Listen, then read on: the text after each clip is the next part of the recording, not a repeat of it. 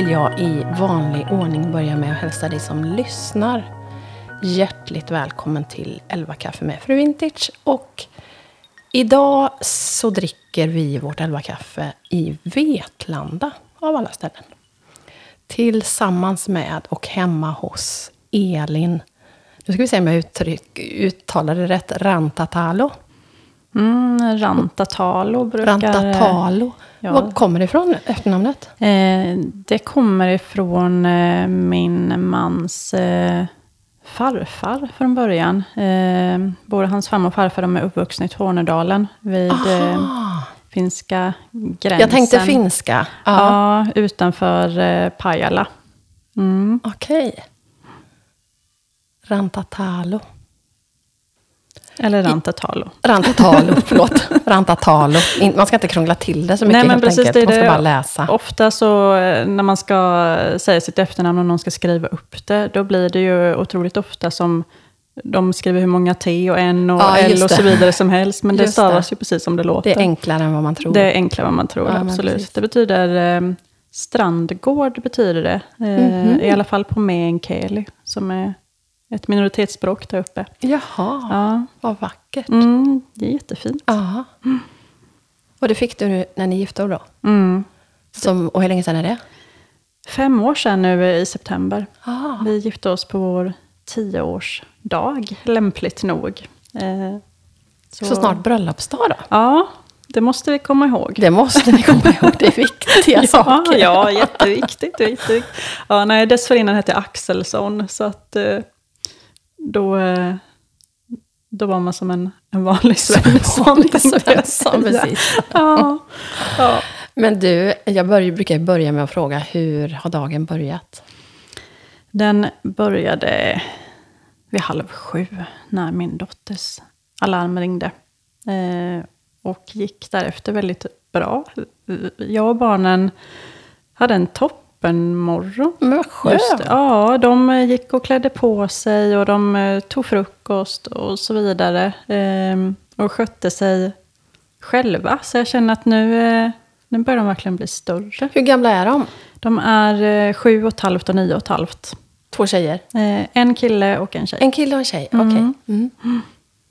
Så en lugn och skön morgon då? Ja, en lugn och skön morgon. Och Går de själva till skolan? Eller behöver du Nej, följa? nu när vi har flyttat så har vi ett par kilometer eh, att ta oss till skolan så att jag kör dem. Just det. Mm. Innan hade vi ja, 200-300 meter till skolan. Så då var det För det här fantastiska huset som vi sitter i är ju väldigt nytt för er. Hur länge sedan är det ni flyttade in? Vi flyttade in här 2 maj. Så att man är fortfarande i den här nyförälskelsen. Jag fattar. Jag tror aldrig den, eller hoppas aldrig den förälskelsen tar slut. För det är ju, det är ju vilket hus. Ja, jag, jag har väldigt svårt att tro att vi ska hitta ett bättre än detta. När är det byggt? 1904 är det byggt. Och det är ju väldigt mycket bevarat här också. Som Verkligen. du ser. Med kakelugnar och fönster och detaljer och stuckaturer. Så det, det här var ju egentligen spontanköp som vi gjorde, kan man ju säga.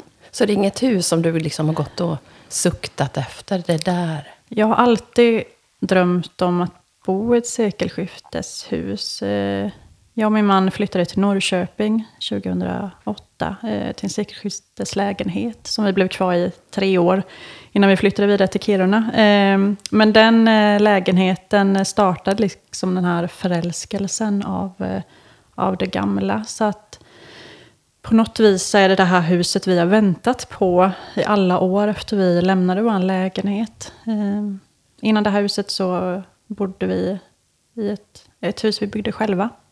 Aha. Eh, så det var helt, helt nybyggt. Här i Vetlanda? Ja, helt eh, motsatsen till det här huset. Det var ett, ett svart funkishus, en, en låda. Men eh, så fick det bli då. Och sen kom det här ut bara och så...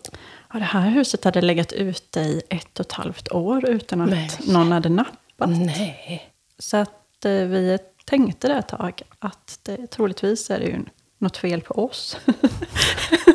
Efter, eftersom ingen annan vill ha det. Nej. Men den känslan jag har av, eh, av Vetlanda som jag bor i, det är att det här med nybyggnationer är liksom trenden. Att det är det folk vill ha just, Just nu.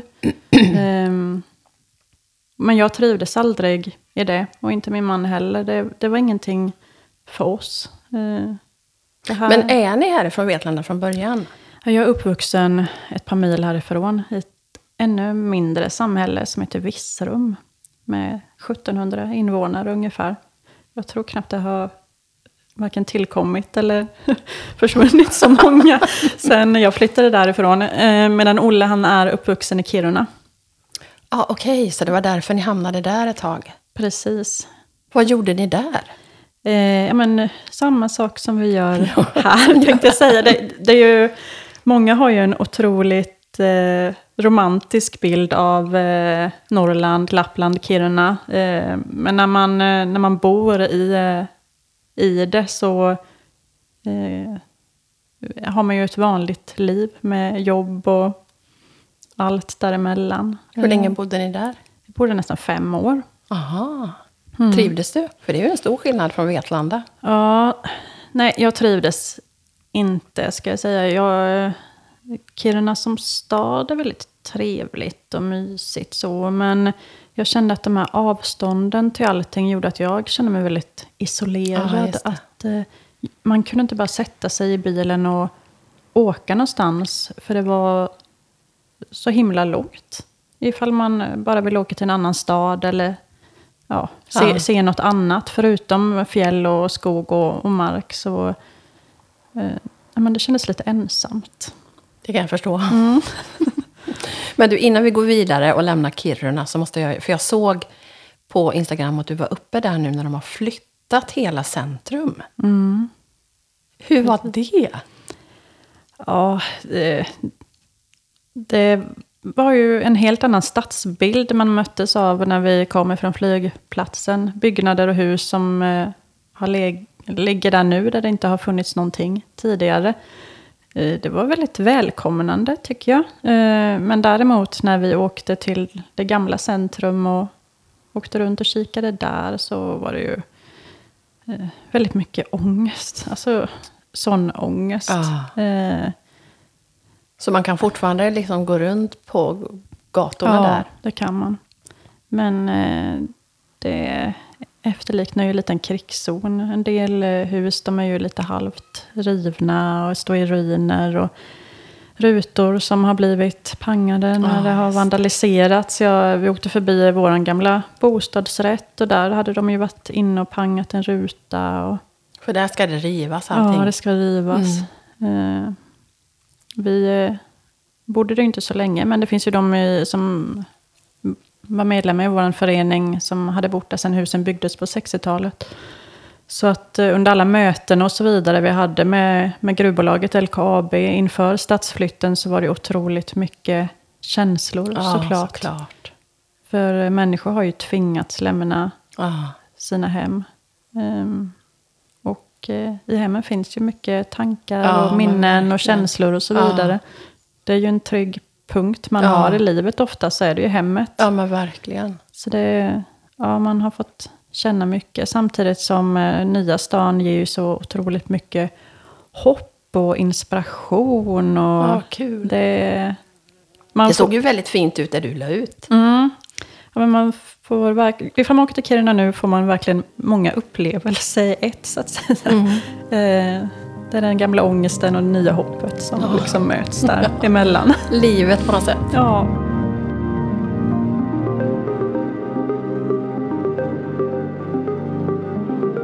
Du, vi ska prata mer om livet, eh, inte minst om det som hände i april 2019 när ditt, ditt liv förändrades för alltid.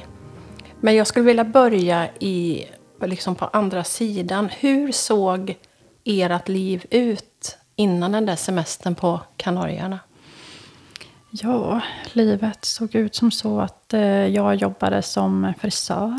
Eh, jag hade haft min egen firma sedan 2011. Och jag hade nyligen i samband med att vi byggde vårt hus då också byggt en eh, salong i eh, så anslutning du hade det till... hemma? Ja, Ah, så jag hade min salong i anslutning till garaget. Eh, det var eh, mitt lilla kryp in. Eh, trivdes så himla bra och jag älskade att eh, jobba själv. Jag, jag, var ju inte själv, för jag hade ju mina kunder. Eh, och det blev eh, väldigt fina och intima stunder med dem där som jag uppskattade. Eh, sen däremellan så var det ju eh, barnen. De var ju små. Cornelis var fyra år och Stella var sex år. De eh, gick i förskolan båda två.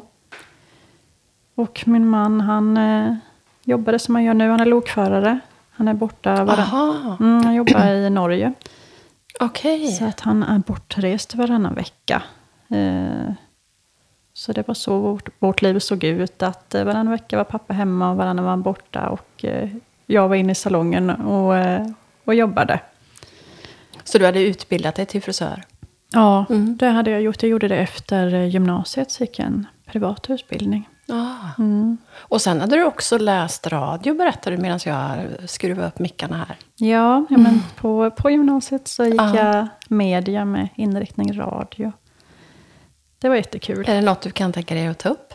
Absolut. Jag, jag tycker det är jättekul med media i det stora hela. Så allt det intresserar mig mycket. har alltid, alltid gjort. Jag har alltid gillat att, att skapa med hjälp av olika medier. Men du, eh, jag såg eh, på din Instagram, eh, jag tror att det är första eller andra dagen när ni har landat, så har du lagt upp en bild på din arm med en så kallad infart i armen. Eh, och så skriver du, så ledsen. Jag har inte kunnat njuta en enda dag under semestern, inte sovit. Haft värk i höger axel, arm och nacke haft jättehög feber. Idag orkade jag inte mer. Sitter ensam på akuten i San Agustin efter ambulansfärd. Vet inte exakt vad som är fel på mig. Jag kan inte ens äta. Mm. Och vad jag förstår så hade det, du börjat bli sjuk redan på resan ner, var det så? Ja, jag kände åtminstone en eh, trötthet på resan ner. Eh, men det var inget anmärkningsvärt, utan jag tänkte att det berodde på att jag hade jobbat eh, kvällen innan och man hade packat och man reste med små barn. Ja, ja. Men jag kunde ändå känna att det var någonting som liksom var på gång i kroppen. Som att jag tänkte att jag håller nog på att bli sjuk, så jag får nog ta det lite lugnt och vila mig nu till en början. För sen så kan man ju läsa. Några dagar senare fick mina anhöriga besked om att mina chanser att överleva var 0 procent. Jag var då 31 år. Gift, hus, barn och mitt i livet. Vad hade hänt innan dess? Innan den domen kom? Innan dess hade jag ju, som du sa där innan, så hade jag ju tagit mig in på eh, akuten på ett sjukhus i San Augustin på Gran Canaria. Eh, min man och mina barn de var kvar på hotellrummet. Och jag blev inlagd omgående. Eh, redan andra dagen så eh, sattes jag i medicinsk koma och i respirator.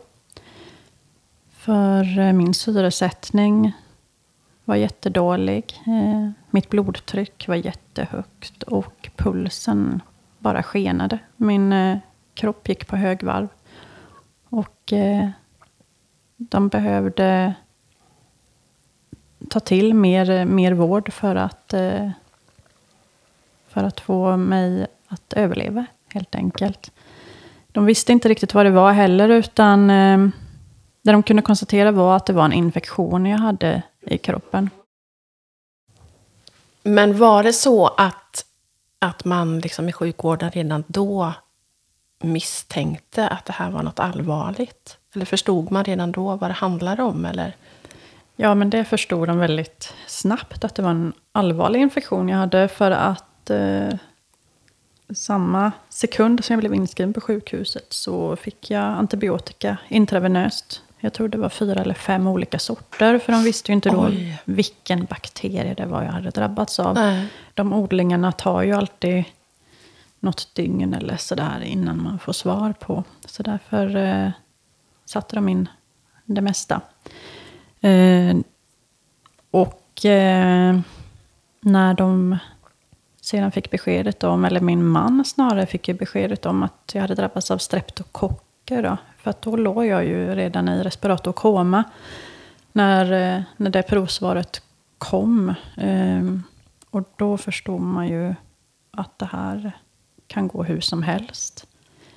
Ehm, något som var positivt var ju att eh, infektionen var koncentrerad, eller man ska säga. Den satt eh, på min flank, alltså området mellan midjan och en bit ner på låret på höger sida. För där hittade de en vätskeansamling på 500 milliliter. Då. Så att de opererade mig ju genom att öppna upp. Ah. Och man, tydligen så kan man se med ögat hur de här bakterierna rör sig under huden. Nej men fy. Men han fick ett dödsbesked att hon kommer inte klara sig, var det så? Mm.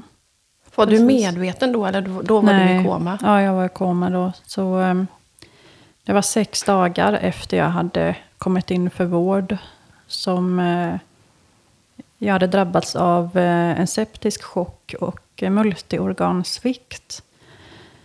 Det vill säga att uh, jag menar, lungor de fungerade inte och de var fyllda av vätska. Och detta på grund av att man var tvungen att få upp mitt blodtryck. För blodtrycket var så himla lågt. Jag tror jag sa fel där när jag sa att jag hade högt blodtryck. Men jag hade jättelågt blodtryck när jag kom in. Och för att få upp mitt blodtryck så var jag tvungen att pumpa i mig vätska. Och till slut så hamnade den här vätskan i eh, mina lungor. Eh, njurarna kollapsade också så att jag fick dialys på dem. Eh, hjärtat eh, och pulsen den var eh, ja, men otroligt hög.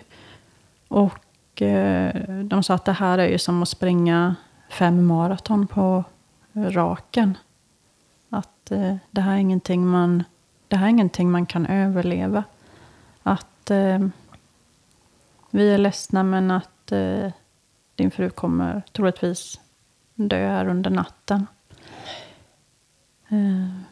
Och så sa de att vi, vi ringer dig när det börjar närma sig så att du kan komma. Och min pappa han hade redan varit nere på Gran Canaria två dagar innan för att hämta hem eh, Stella och Cornelis då som de kunde ju inte vara kvar där nere. De, eh, de fick inte komma in på sjukhuset där jag låg i den här IVA-utrustningen. Eh, och det, det hade inte varit bra för dem att komma in då heller såklart. Eh, så att min pappa fick komma ner eh, och ta hem dem. Och han eh, förstod ju också allvaret då såklart. Det gjorde ju alla här hemma med. Olle informerade ju dem. Så pappa tog ju farväl av mig där innan han åkte tillbaka till Sverige. För han trodde ju inte heller att han skulle få se mig igen. Helt otroligt. Mm. Och sen skriver du Mirakler sker. Skriver du fortsättningsvis. Mm. Eh, och tre veckor senare så flögs du hem till Sverige. Mm. Hade du fått diagnosen sepsis då? Mm.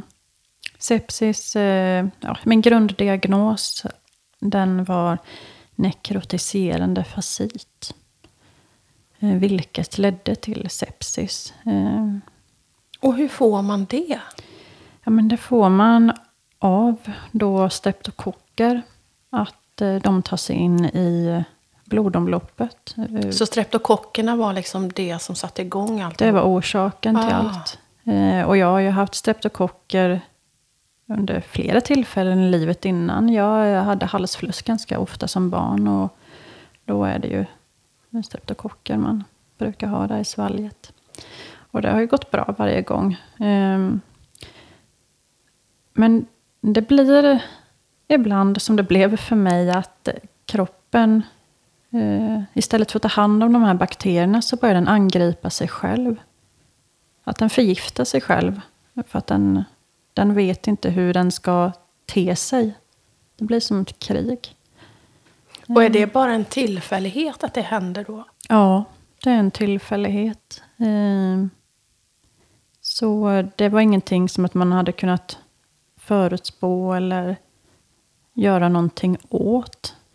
Jag vet ju än idag inte eh, hur de här bakterierna tog sig in i min kropp. Men eh, mest troligt så är det ju via, via huden. Och det kan ju räcka med ett nålstick för att... Eh, ja, det behövs inte mer. Nej. För att, nej. Det är ju många, tänkte jag säga, det är inte många, men det förekommer ju bland sådana som är mycket i jorden och arbetar vid planteringar och sådär också. Att man kanske river sig på buskar och allt och får in eh, de här bakterierna som finns i jorden. Och det kan ju också orsaka allvarliga infektioner.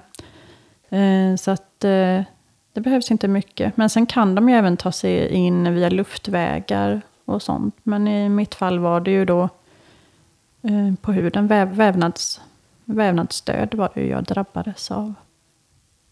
Och hur vanligt är det här? Alltså det är ju ingenting som man hör så mycket om.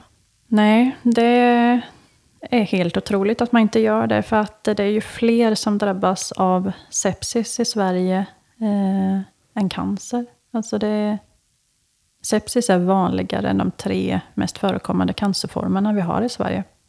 Och eh, dödligheten ligger på ungefär 20 procent. Oj. Men eh, det jag har eh, upplevt efter jag har drabbats, det är ju att många hör av sig till mig och eh, otroligt många människor har en anknytning till sepsis. Att de har någon anhörig som har drabbats eller de själva. Sen slutar det ju inte lika allvarligt för alla. För en del så blir man ju utan komplikationer. För det här är ett tillstånd så att man blir ju... Eh, när, till, när det är över så friskförklaras man ju. Men man kan ju ha komplikationer efteråt. Men en del drabbas eh, hårdare av komplikationer och en del inte. Så det kan ju variera kraftigt. Um, många äldre, det är ju de som oftast inte klarar sig. Då. Men det är ändå ett mirakel att du sitter här idag. Mm. Ja, men det känner jag med. Ja. Verkligen. Fantastiskt. Mm. Men vad hände då när ni kom hem till Sverige efter tre veckor?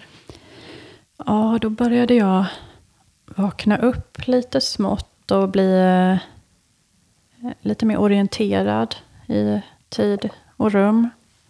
Eh, först kom jag till Eksjö. Jag var bara där ett dygn innan de insåg att eh, jag hade så allvarliga skador så att jag fick komma vidare till Linköping, till IVA där och till BRIVA som är brännskadeintensivvårdsavdelningen. Och detta på grund av att jag hade så omfattande mjukdelsskador då, alltså död vävnad och hud som behövde behandlas. Eh. Men när du säger då att du börjar vakna upp, hade du en aning om vad som hade hänt då? Jag förstod ju, i samma stund som jag förstod att jag var på IVA och det här med att jag hade fått flygas hem ett ambulansflyg. Då förstod jag ju att eh, det här var ju inte någon vanlig influensa jag hade åkt på. Eh, och eh, jag kunde känna någon slags trygghet i det också. Eh, för jag kände att, men gud, då inbillade jag mig inte bara att jag var sjuk. Jag var verkligen sjuk. Och det lugnade mig på något vis också. Men jag hade ju inte en aning om att jag de eh, här tre veckorna innan jag kom till Sverige hade ställts inför döden vid två tillfällen. Det förstod jag inte alls. Och jag förstod inte hur sjuk jag var eller något sådant. Jag visste bara att jag hade kommit till Sverige och där kände jag mig trygg.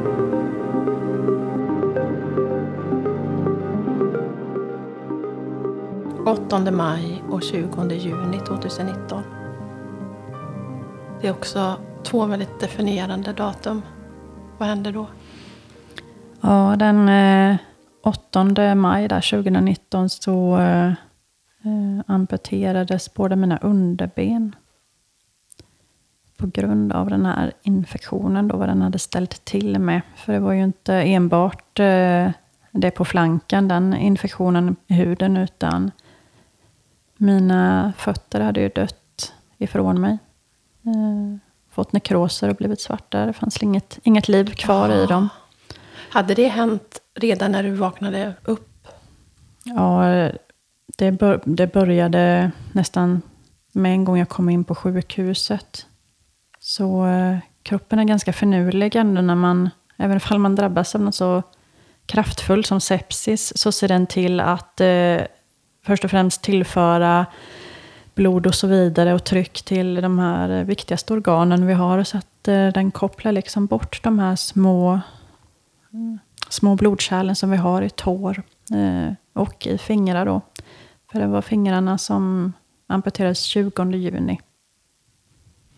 De klarades inte heller. Jag har en hel tumme har jag kvar. Nä, nästan. Fingertoppen är borta.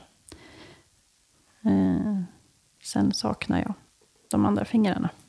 Hur var det beskedet att få? Ja, fötterna och det, det, På något vis så kunde jag ta det för att jag hade så fruktansvärd värk. Och eh, när jag såg hur mina fötter såg ut så förstod jag ju att det inte skulle finnas några andra alternativ än att ta bort dem. Eh, det står till och med i mina journaler att eh, patienten är mycket positiv till att eh, bli protesbärare. Så att jag kände...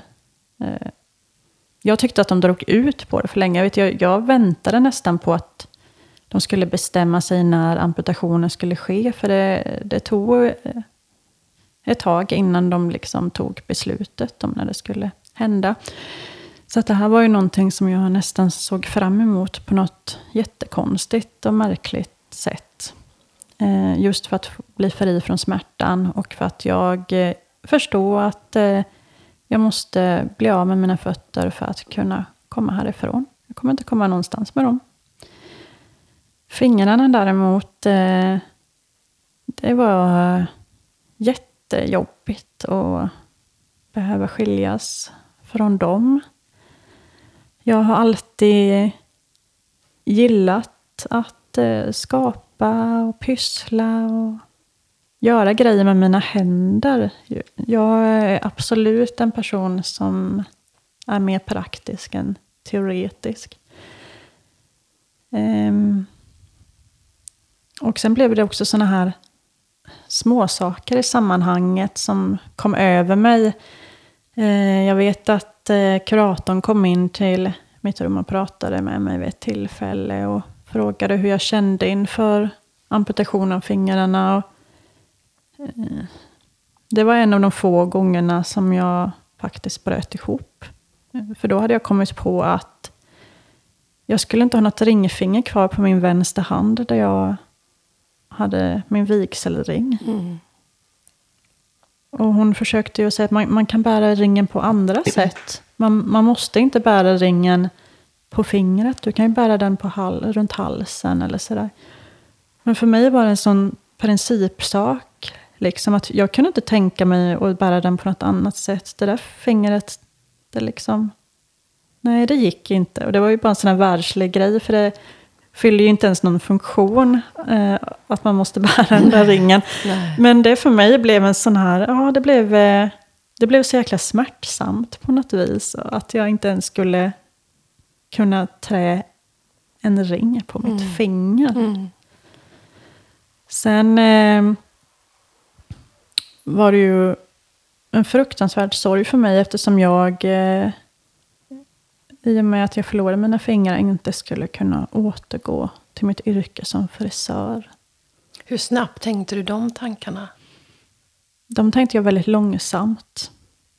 Väldigt långsamt, för jag var fast besluten om att jag skulle, när jag kommer hem så öppnar jag salongen igen. Och jag, eh, till mina kunder på min Instagram-sida som jag hade och min Facebook-sida till salongen så eh, skrev jag inte att jag skulle stänga igen eller något. Jag skrev att jag är sjukskriven resten av året. Hoppas att jag är tillbaka till nästa år. Eh, jag, jag kunde verkligen inte eh, acceptera. Eh, jag, jag, kunde acceptera att jag hade blivit av med mina fötter fötter. Och jag kunde på något sätt acceptera att jag blivit av med mina fingrar. Men jag kunde inte acceptera att mitt arbete skulle tas ifrån mig. Eh, och jag kände en så himla stor tomhet i det. Eh, för jag identifierade mig väldigt mycket som frisör. Eh, jag hade liksom passion för det. Jag älskade verkligen mitt yrke på så många sätt. Människokontakten framför allt tyckte jag ja, men det var helt fantastiskt att få träffa mina kunder och få den där pratstunden och få rå om dem och men få utvecklas inom branschen också. Så att jag eh, försökte att eh, ja, färga håret och klippa håret på familjemedlemmar. Men jag insåg ju att det finns ju ingen människa i hela världen som har tid att sitta en hel dag för att få bottenfärg. eh, och det hade inte varit eh, ekonomiskt eh, försvarsbart heller att liksom driva en sån verksamhet där man inte går runt. Men salongen fick eh, stå kvar väldigt länge. Um, det var jobbigt att gå in i den för att kvittot från min allra sista kund bland annat låg kvar på kassadisken. Mm. Uh, och jag minns uh, hur hon liksom, man, man, måste ju alltid säga att vill du ha kvittot? Och de, hon sa nej och jag minns att jag liksom la kvittot där på disken och tänkte att då kan hon välja själv om hon vill ha det eller inte. Och sen när jag såg det där utskrivet 17.45 tror jag det stod. Den 27 mars. Och det var ungefär som att det var då en bit, eller en del av mig dog på något vis. Mm. Um, sen har jag alltid varit väldigt så noga med att det ska vara uppdiskat och fint och ordning och så vidare. Men just den sista arbetsdagen, som jag inte visste då skulle bli min sista arbetsdag, där hade jag lämnat saker kvar. Jag hade lämnat penslar och skålar och så vidare. Och jag kände att äsch, men ja, jag tar den nästa vecka. Det är ju inte hela världen att lämna det. Det får bara vara. Um, och det var ju också så himla känslosamt. Första gången jag kom in i salongen och såg det här som jag liksom har lämnat efter mig. Spåren av mitt gamla jag och mitt gamla liv. Det var, blev så himla tydligt. Mm. Eh, och jag, det var som att... Det kändes verkligen som att någon hade gått bort. Jag fick känslan av att det... Ja. Och jag brukar tänka på det nu också. Att eh, det med att jag miste mitt yrke, det var ungefär som att mitt livs största kärlek bara lämnade mig en dag, inte fanns där mer bara drog. Um, så det tog mig Ja, det tog mig nästan två år innan jag kunde börja plocka i ordning i salongen och packa ner och börja sälja av inredningen och det. Var du sjukskriven då under den perioden? Jag, var, jag hade en otroligt kort sjukskrivning med tanke på eh, allt jag hade gått igenom. Jag kom in på sjukhuset första april och jag avslutade min sjukskrivning till jul samma år. Oj.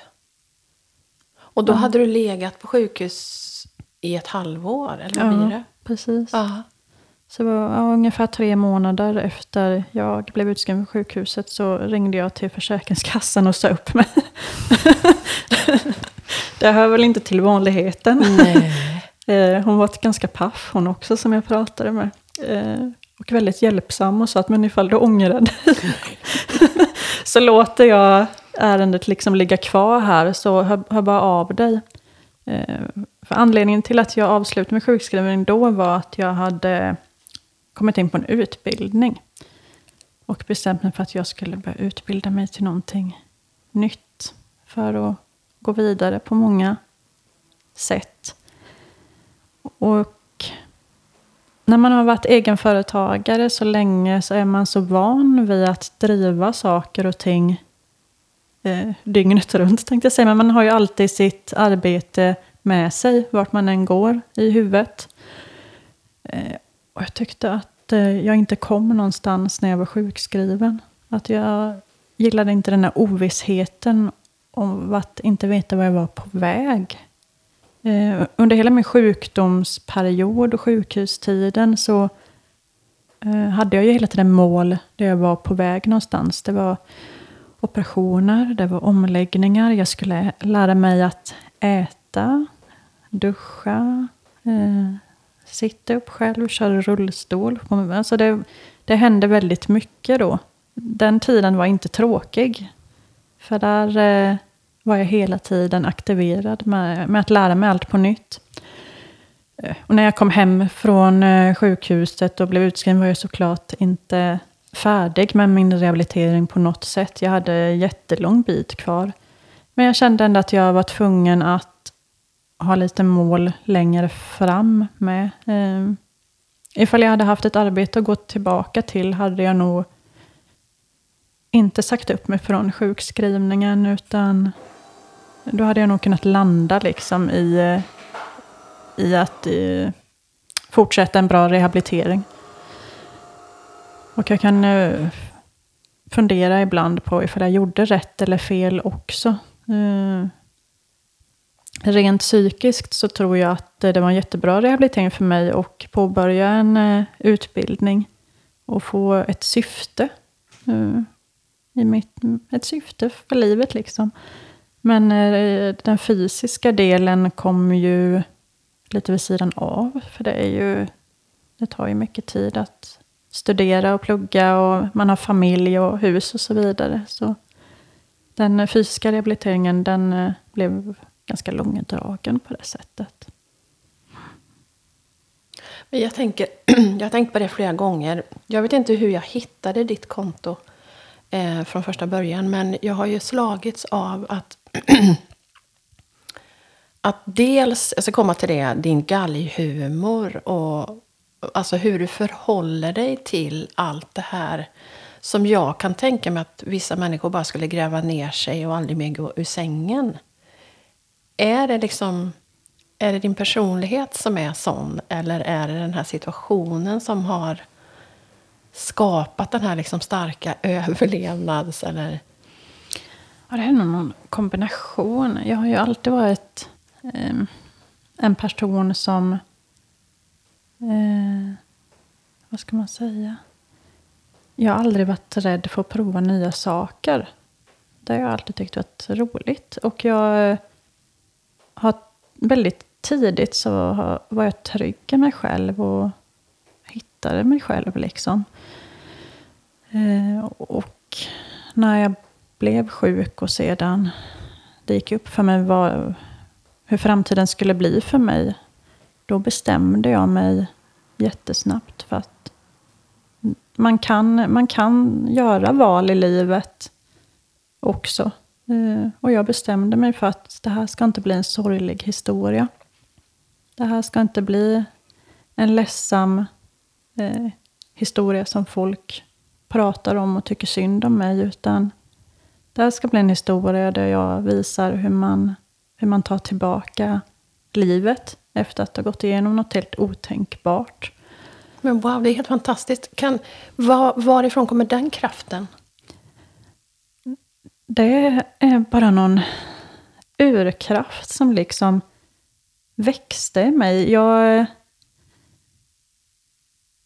jag blev eh, väldigt tydlig mot mig själv vad jag ville och inte ville i samband med att eh, jag blev sjuk. Att eh, jag blev bättre på att ta plats. Och då kände jag att ifall jag överlevt det här, då har jag fan all rätt till att, att leva lika mycket som alla andra gör. Att det ska ingen ta ifrån mig när jag har fått chansen till att eh, få börja om och leva igen. Det, och det håller jag liksom fast vid. Eh, att det är ingen, ingen annan människa som kommer i vägen för mig för att eh, jag ska få eh, ha det bra och eh, leva ut mina drömmar och mitt liv och så vidare. Eh, jag kollar en del på det här Elitstyrkans hemligheter, tror jag heter. Och jag kände liksom, när jag kollade på den serien, någon slags samhörighet med det tänket som de har där. Eh, och jag tror att ifall man utsätts för en ordentlig prövning i livet, då skulle jag tro att hos många av oss så kommer de här ur, urkraften liksom fram. När man vet vad man har att eh, kämpa för. Så det har aldrig varit något tvivel för mig att, eh, att det inte skulle bli något annat än en eh, positiv historia. Där jag liksom får visa hur man, hur man kan vända på livet.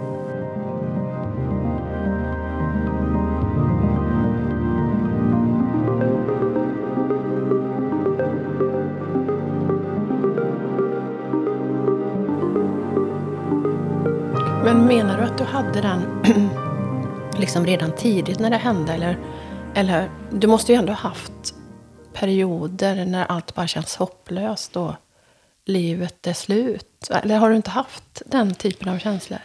Det har jag absolut haft. Ja. Ehm, den här starka känslan den hade jag faktiskt på, på en gång. Så att jag, jag var så himla glad att jag hade tagit mig igenom allting. Ehm, men sen när jag började komma hem på permission, när man inte hade eh, sjukhuset som omfamnade en och allting. Ja. Då blev det ju väldigt eh, naket. Och eh, man märkte ju verkligen då hur livet hade blivit och förändrats. Jag kunde till exempel inte ta mig upp till övervåningen till en början. Eh, så vi fick ha vår säng där nere. Jag kunde inte duscha utan hjälp. Jag kunde inte gå på toaletten utan hjälp. Jag, jag var ju bara som ett paket. Um, och uh, det var vid ett tillfälle som jag minns väl, för det var första gången jag bröt ihop och det var efter jag hade duschat. Uh, och då hade Olle, min man, där precis hjälpt mig i duschen med allt vad det innebär. Han hjälpt mig att schamponera håret och oh. borsta ut det och alltså allt. Eh, för jag satt ju i en sån här duschstol. Och jag har alltid gillat alltså att klara mig själv och självständig. Har varit så viktigt för mig ända sedan jag var ett litet barn. Eh, så då bröt jag ihop och sen skrek jag till honom och sa att varför lät du mig inte bara dö? Och eh, ja, fy. Mm. Men det är nog det elakaste jag har sagt till någon. För att eh, han hade gjort allt för att jag skulle överleva. Mm. Så i samma stund som jag sa det så kände jag ju också sån himla skam att jag ville ta tillbaks det. Men jag tror att han också förstod eh, min känsla helt och hållet. Att han ifrågasatte ju inte orden på något vis, utan det, det var nog mer att han kanske hade väntat på att jag skulle mm. bryta ihop. Och eh, ja, sen, sen har jag har inte, jag har inte känt efter det att jag har velat dö. Det har jag inte gjort. Men jag har varit eh, jag har varit arg. Mm. Och eh, det dummaste jag gjort när jag var arg, det var nog när jag satt i soffan och kastade iväg protesen. och insåg att hur fan ska jag komma härifrån nu? ja, det var dumt. Så att det var ju bara ner på golvet och krypa ner och hämta dem igen. Och så insåg jag att nej, vi måste bli kompisar jag de här ja. två. Vi, vi kan inte vara ovänner. Vi, eh, vi måste följa varandra livet ut, här nu jag och mina två nya ben. Annars... Och det var, för det är ju ett av de ett utav många inlägg som du gör just med den här, om man nu ska kalla det för galghumor eller en sån... Ja, jag såg ett inlägg som du hade gjort på Stories eh, för någon vecka sedan, där du du har lagt upp en bild på dig uppifrån, så man ser bara dina proteser, man ser fötterna. Um, och då är det två olika benproteser. Och så har du skrivit, man tar det som är närmast. Det gäller även ben och sånt. Mm. Och det är så otroligt. Jag skrattar högt ibland av dina inlägg. Um, Och återigen, var kommer det ifrån? Har det liksom, är det någonting som har skapats under den här... Nej, humorn har alltid varit eh, en av de bästa kryddorna i mitt liv. Eh, jag eh, kan ju alla Sällskapsresan-filmerna utan och innan. Och ändå så tröttnar jag aldrig. Eh, jag, eh, ja, men jag älskar svensk humor så himla mycket. Eh, och det är nog någonting jag har med mig hemifrån. Att, eh, min pappa har också alltid...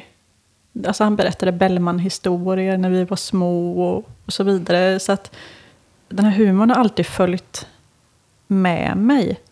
Och det är just det här med att vara amputerad är så himla komiskt och eh, också. eh, och det är så många gånger som eh, människor som pratar med mig och inte känner mig eh, råkar sätta sig i, i lite konstiga situationer och inte vet hur man ska ta sig ur dem. Och då är det väldigt roligt att möta upp det med, med humor. Um, och det kan ju vara allt möjligt som... Eh, Ja, när jag studerade så var det ju många som men bara du får in foten någonstans så löser det sig. Och jag var nej, nej, det kom, nej, men det kommer aldrig hända. Det kommer inte det. Ehm, och eh, ja, nej, men man får ju inte tappa fotfästet och, och så vidare. Så mycket jag... Det här med att man har båda fötterna på jorden. Jag känner liksom att det spelar ingen roll. För det, det går ändå. Ja. Fantastiskt. Så eh, ja, men humorn, eh, den, eh, den finns där. Och både jag och min man och våra barn, vi skrattar mycket också. Det, det var som när vi skulle åka på husvagnssemester första året vi åkte. Och eh, du har sett Sune Sommar antar jag, när de packar sin husvagn med allt möjligt, Ja, det. jordglobar och allt vad det Mm. är. Och så står jag där och sen så kommer Stella med mina två ben som jag har när jag badar. Kommer hon bärande med varsitt ben under, under armarna och packa in det i husvagnen. ja, ja, Som men den det- största självklarhet. Ja, ja, men, ja, och för barnen är det ju liksom det. Det är inget konstigt att Nej. vi liksom bär med oss mammas ben på semester.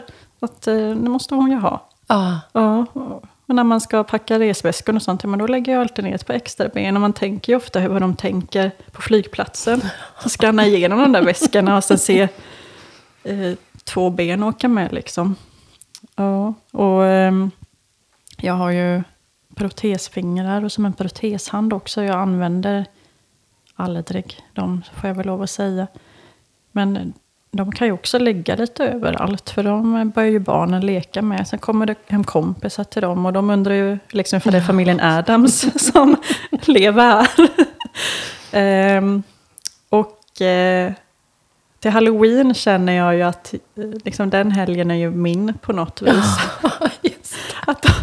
då, får jag ju leva ut hela den här halloween-känslan fullt Hänger ut. du benproteserna i fönstren då, eller vad Ja, gör men jag, har, jag har ett par gamla benproteser som jag ställer vid en gravsten.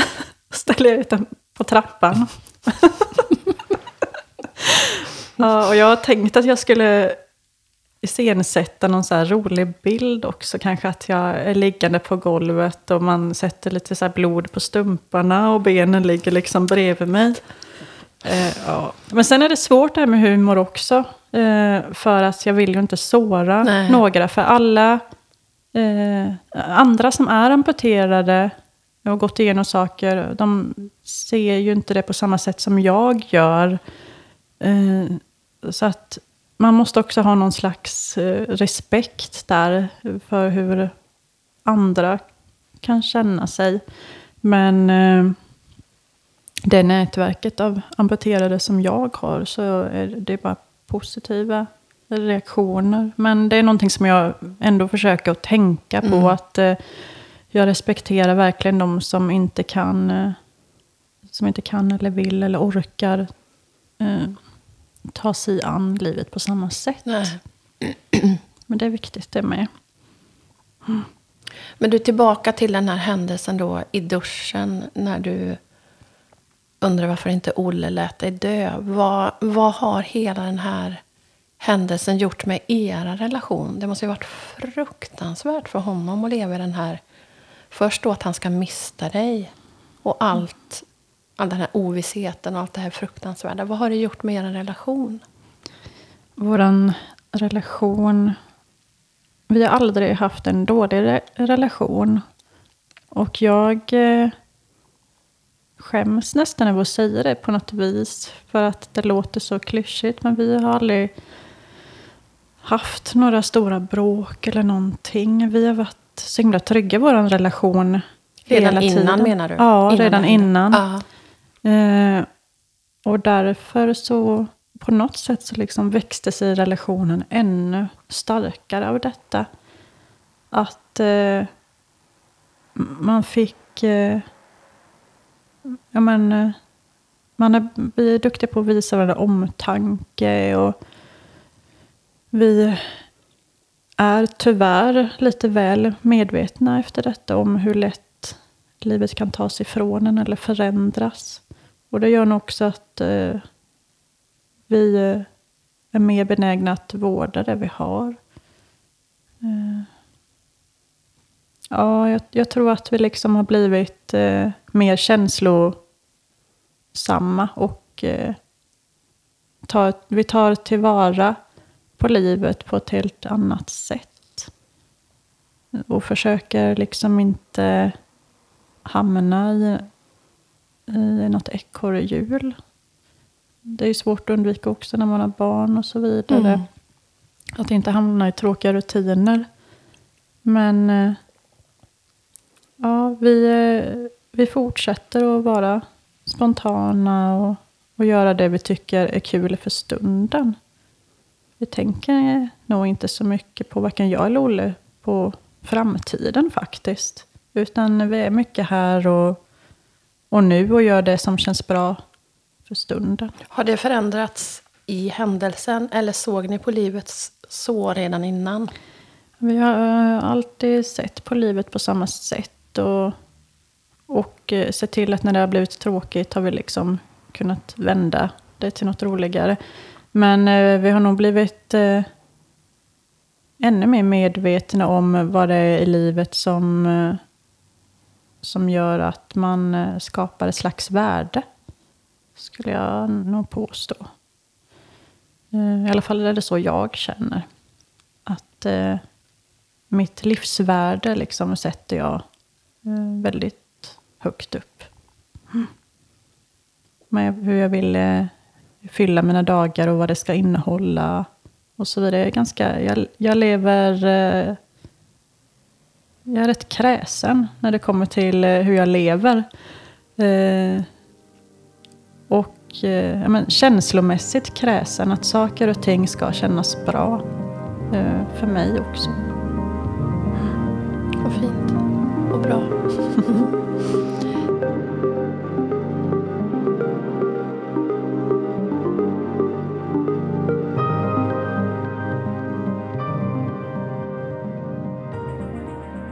Hur ser dina drömmar ut framåt? Hur ser hur ser du på livet framåt? Jag eh, vill eh, fortsätta att få människor att förstå eh, att andras värde och sitt eget värde är viktigt. Att man ska bejaka det. Ehm, jag vill kunna fortsätta att inspirera människor till att eh, fortsätta och att uppskatta. Eh, och att älska. Eh, sprida positiv energi. Jag eh, vill ju börja föreläsa. Det har varit eh, lite av målet hela tiden som jag bestämde mig för redan när jag låg på sjukhus. Att det här måste, det här måste jag berätta om för att eh, skapa förståelse. För att eh, roten till allt ont, eller till mycket ont, det är ju att vi inte har förståelse. Mm. Att vi inte... Och att vi inte har respekt. Alltså respekt och förståelse kan man aldrig få för mycket av. Eh, och ju fler som, som får det, ju bättre blir nog vår värld också. Och jag, för mig är det jätteviktigt att bli en del av det, att få bidra med mina erfarenheter. Ehm, och eh, ja, men inspirera andra hur, hur, de, hur de ska leva. Men jag har, inte, jag har fått flera förfrågningar om att föreläsa. Men jag har ju lite scenskräck. Det kan man inte tro. Nej, det säger ju alla. Ja. Men det är ju fruktansvärt lätt att gömma sig bakom telefonen. Ja. Eller så här bakom en mick. Precis. Eh, Men eh, jag, jag har aldrig gillat att stå i centrum. Och eh, ifall jag står framför en grupp människor, då är, jag ju, då är de ju där för att lyssna på mig. Så att eh, där behöver min eh, självkänsla bli bättre. Jag har tagit eh, kontakt med en talarcoach faktiskt. Så att eh, jag ska gå några kurser. Ah, vad bra. För jag, jag känner att det, det här är någonting som jag verkligen vill göra. Samtidigt Ja. som det är en slags fobi på något vis. Ja. Så att eh, det är eh, ett nytt mål jag ska ta itu med. Wow. Go, go, go. Mm. Jag kommer och lyssnar. Ja, det får du gärna göra. Ja, men fantastiskt. Det är klart du ska göra. Ja. Ja, sen så får vi se. Eh, Jag är ju inte bara en person som liksom djupdyker i, i det här känslomässiga och djupa, utan jag känner att man kan inte, man får inte nå botten i känslorna heller, för då kan det bli för mycket. Eh, Så därför vill jag ju i framtiden också kunna kombinera det med, med något jag gillar. Som, innan var det ju att skapa och vara frisör och så vidare. Och jag tycker att inredning är väldigt roligt. Eh, Det hade varit kul att få ja, varva eh, föreläsningen och det djupa med. Jag känner att det är viktigt att ha lite kontraster Ja, i livet. Mm. Eh, Man behöver både eh, stora problem och ilandsproblem Mm. för att hitta någon slags balans. Så sant. Så, Men vad pluggade du? Det har vi inte pratat om. jag, jag pluggade till trähusprojektör. Och, eh, Trähusprojektör som innebär... Ja, det innebär att man, eh, man eh, använder CAD. Man caddar eh, ritningar för tillverkning och bygglovsritningar och så vidare till småhus, till trähus. Vi har ju flera hustillverkare här runt Vetlanda som är ganska stora. Men de är stora, det är väl de Sveriges största som ligger här. Så det har ju varit efterfrågan på projektörer då. Eh, men eh, Men det är ingenting du jobbar med idag? nej, det är det inte. Jag, jag var eh, på lite intervjuer och sökte jobb och ringde runt och så där efter min examen. Men de flesta av gångerna när jag kom dit så frågade de tidigt i intervjun hur de måste anpassa arbetsplatsen för mig.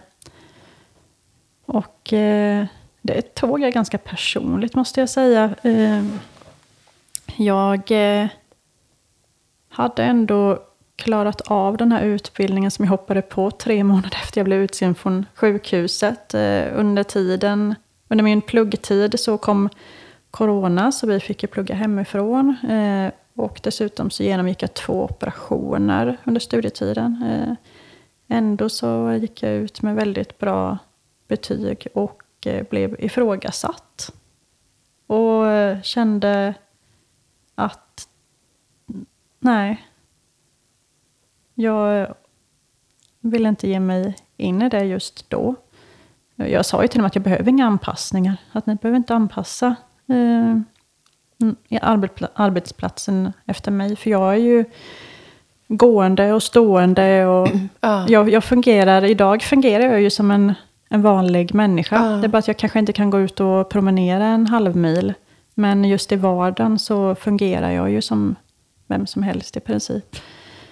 Ehm, och sen var det ju någonting inom mig också när jag började söka jobb och sådär. Och de pratade om arbetstider och så vidare. Och det var ju heltid överallt. Det gick det ju inte att rucka någonting på. Man skulle jobba heltid och eh, ja, då var det 7-16 till 16-17 varje dag, måndag till fredag och så vidare.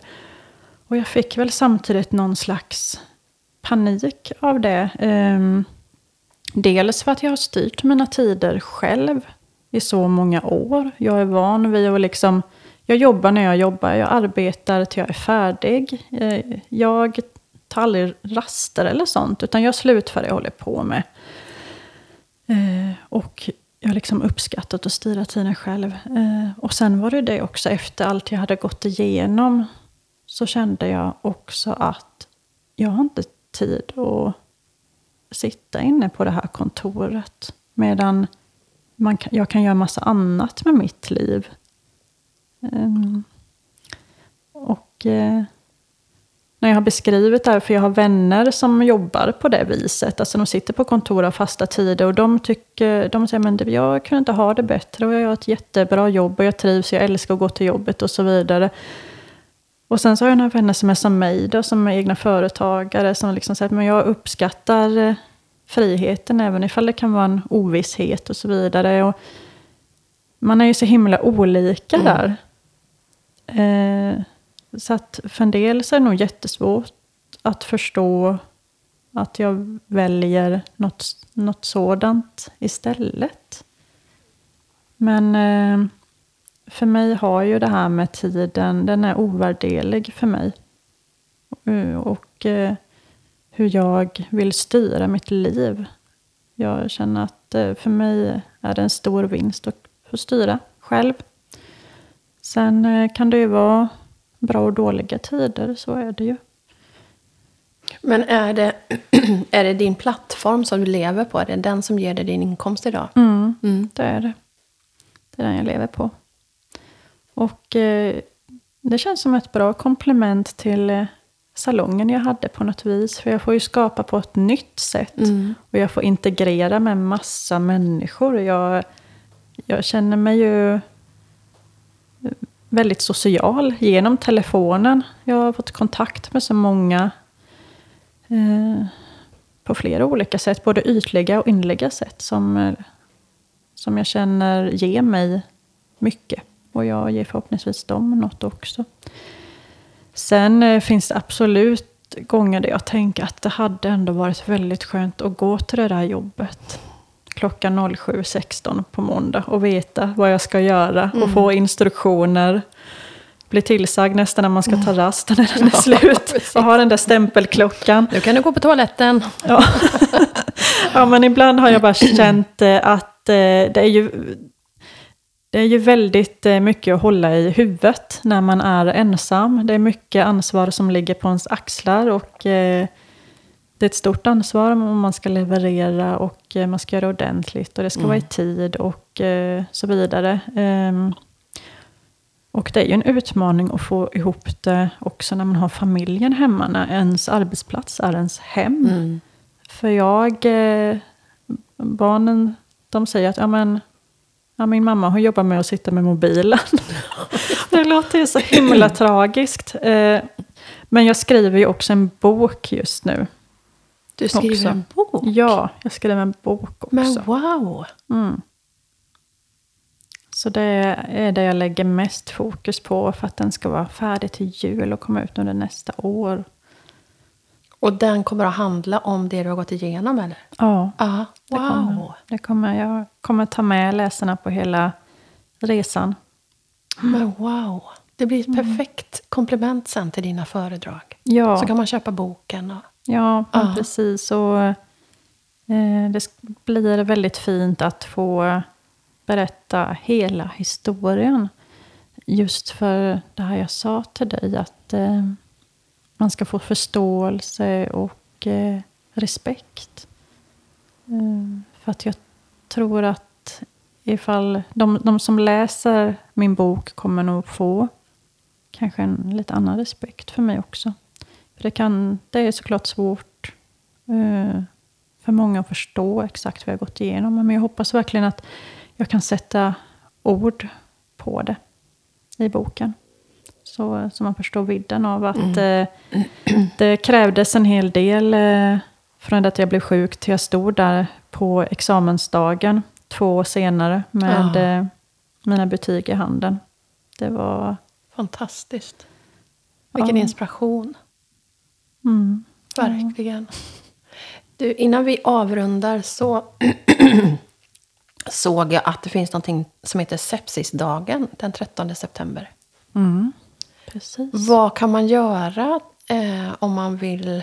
För jag, jag tänker att det här är en sjukdom som behöver, eller ett tillstånd som behöver mer forskningsmedel och, och sådär. Hur kan man stötta?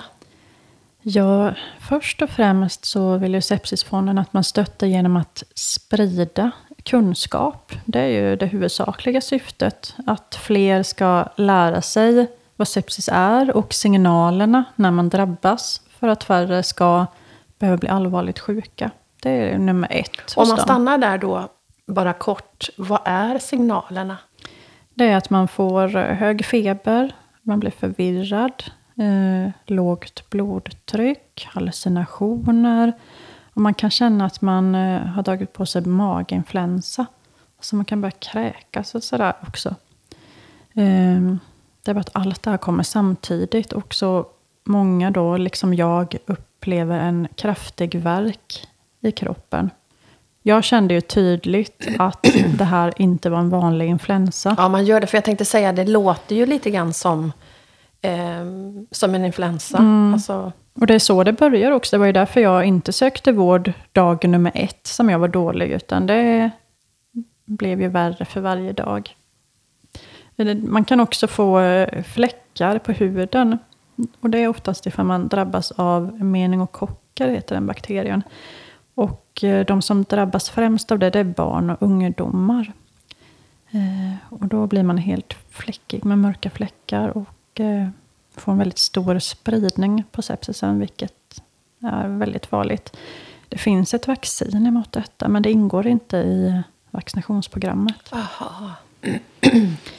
Nej, men förutom då att sprida kunskapen så kan man också hjälpa till genom att bidra med pengar till forskningen.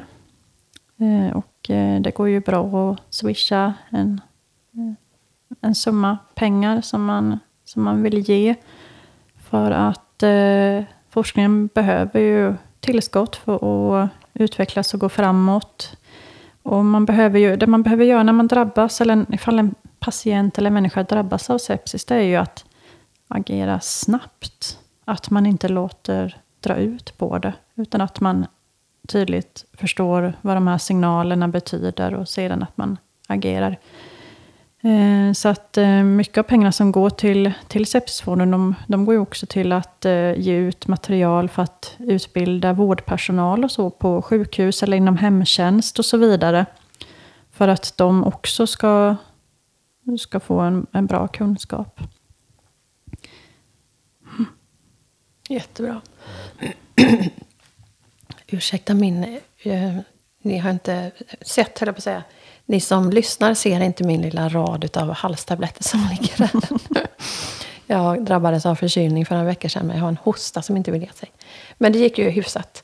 Eh, jag vill avsluta det här fantastiskt fina elva kaffet med dig, Elin. Eh, och verkligen tacka dig för det du sprider via dina kanaler. För det är en sån energiboost att gå in på ditt konto. Eh, tack för det du sprider och tack för det, den du är. Eh, och det visar ju sig när man träffar dig så här IRL. Att du är den där mjuka, fina, fantastiska tjejen. Så tack för det, verkligen. Så många fina ord på en och samma Ja, men gång. det är sanningen. Ja, jag tackar verkligen för den här stunden. Det var eh, jättemysigt Ja, att få det var det. prata med dig, Nu ska jag. vi dricka kaffe och fortsätta prata. Ja, det måste vi göra. Tusen tack. Ja, tack själv. Och tack till dig som har lyssnat. Hej då!